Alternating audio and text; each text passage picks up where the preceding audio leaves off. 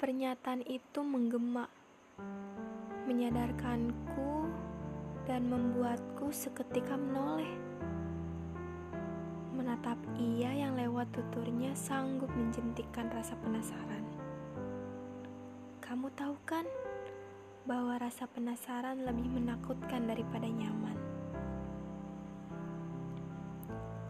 Salifa berusaha kutelan dengan alis yang turun mencoba mengenyahkan isi dalam kepala.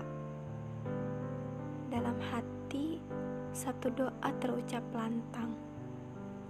Tuhan, kali ini jangan izinkan aku terjatuh lebih dulu.